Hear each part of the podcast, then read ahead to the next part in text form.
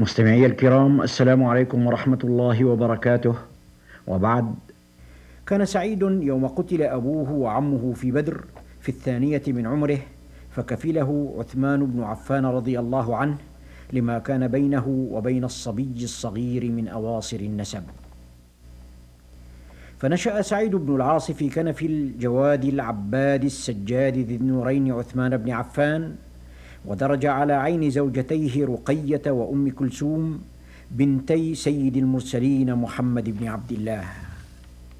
فورث المجد كابرا عن كابر ونهل الشمائل الكريمة والخلائق العظيمة من أعذب ينابيعها وأصفاها. وأخذ الإسلام من أغزر مناهله وأقواها. وقرأ القرآن الكريم على خدين كتاب الله عثمان بن عفان وتلقاه غضا صغيرا من فم النبي عليه السلام فكان أشبه الناس لهجة برسول الله صلى الله عليه وسلم وكان في جملة الاثني عشر رجلا الذين كتبوا القرآن على عهد عثمان وعلموه الناس. بدت على سعيد بن العاص علامات السيادة منذ كان فتى يافعا فقد روي أن امرأة نذرت أن تعطي بردا ثمينا كان عندها لأكرم العرب فقيل لها أعطه لهذا الغلام يريدون سعيد بن العاص. فسميت الثياب الفاخرة بعد ذلك بالسعيدية نسبة إليه. وقد كان هؤلاء على حق حين تنبأوا لسعيد بن العاص بما تنبأوا له من السيادة والجود فقد ولي سعيد بن العاص للمسلمين الولايات وقاد لهم الجيوش وفتح لهم الفتوح حيث فتح الله على يديه طبرستان وجرجان. وظل واليا من قبل عثمان على مدينة الرسول صلوات الله عليه حتى استشهد الخليفة المظلوم رضي الله عنه. لكن الصفة التي غلبت على سعيد بن العاص هي الأريحية والجود حتى إن معاوية بن أبي سفيان لقبه بكريم قريش. فقد أغدق الله على سعيد بن العاص المال بغير حساب فجاد به سعيد على عباد الله بغير حساب أيضا. وقد رويت له في ذلك أخبار رائعة كثيرة وحكيت عنه قصص فذة مثيرة ملأت صفحات التاريخ ثناء وضياء. من ذلك أن سعيد بن العاص كان يصر صرر المال في كل جمعة ويضعها بين أيدي المصلين من ذوي الحاجات حتى إذا فرغوا من صلاتهم أخذوها فرحين بها من غير مسألة.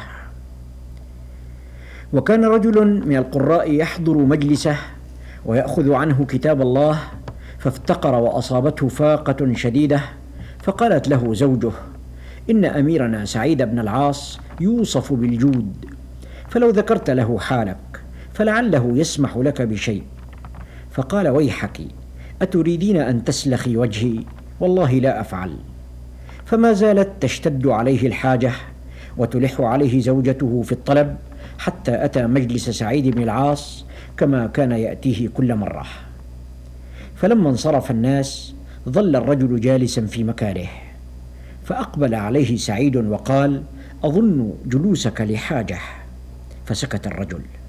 فقال سعيد لغلمانه انصرفوا. فلما خرجوا قال له لم يبق غيري وغيرك فاذكر حاجتك. فسكت الرجل. فأطفأ المصباح وقال له رحمك الله لست ترى وجهي فاذكر حاجتك. فقال أصلح الله الأمير أصابتنا فاقة فأحببت أن أذكرها لك فاستحييت. فقال له سعيد هون عليك وإذا أصبحت فلق وكيلي فلانا. ولما كان الصباح لقي الرجل وكيل سعيد بن العاص فقال له إن الأمير قد أمر لك بشيء فأت بمن يحمله معك. فقال ما عندي من يحمله. ثم ذهب إلى زوجته فلامها وقال حملتني على بذل ماء وجهي لسعيد بن العاص فأمر لي بشيء يحتاج إلى من يحمله وما أراه أمر لي إلا بدقيق أو طعام.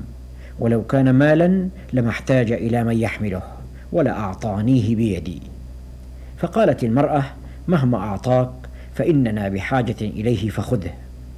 فرجع الرجل إلى الوكيل فقال الوكيل إني أخبرت الأمير أنه ليس لديك أحد يحمل عطيته لك فأرسل إليك بهؤلاء الغلمان الثلاثة ليحملوها معك. فمضى الرجل أمامهم فلما بلغوا البيت إذا على رأس كل واحد منهم عشرة آلاف درهم.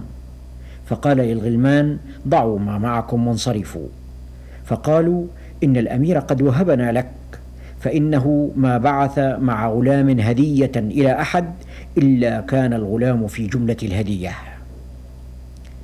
وسأل أعرابي سعيد بن العاص فأمر له بخمسمائة فقال له وكيله خمسمائة درهم أم دينار؟ فقال إنما أمرتك بخمسمائة درهم. أما وإنه جاش في خاطرك أنها دنانير فادفع إليه خمسمائة دينار. فلما قبضها الأعرابي جلس يبكي فقال له سعيد ما لك؟ ألم تقبض عطاءك؟ قال بلى والله ولكني أبكي على الأرض كيف تواري مثلك. وكان سعيد يقول لابنه عمرو يا بني ابذل المعروف ابتداء من غير مسألة. أما إذا أتاك الرجل تكاد ترى دمه في وجهه من الحياء أو جاءك مخاطرا لا يدري أتعطيه أم تمسك عنه فوالله لو خرجت له من جميع مالك ما كافأته. ولما حضرت سعيد بن العاص الوفاة جمع بنيه وقال لهم يا بني لا يفقدن أصحابي بموتي غير وجهي فصلوهم بما كنت أصلهم به واجروا عليهم ما كنت أجريه عليهم واكفوهم مؤونة الطلب فإن الرجل إذا طلب الحاجة اضطربت أركانه. وارتعدت فرائصه مخافة أن يرد. فوالله لرجل يتململ على فراشه وهو يراكم أهلا لقضاء حاجته أعظم منة عليكم مما تعطونه. فلما مات قدم ابنه عمرو بن سعيد المعروف بالأشدق على معاوية بن أبي سفيان في دمشق يخبره بوفاة أبيه فبكى معاوية واسترجع وقال هل ترك أبوك من دين؟ قال نعم. قال وكم هو؟ قال ثلاثمائة ألف درهم. فقال معاوية هي علي.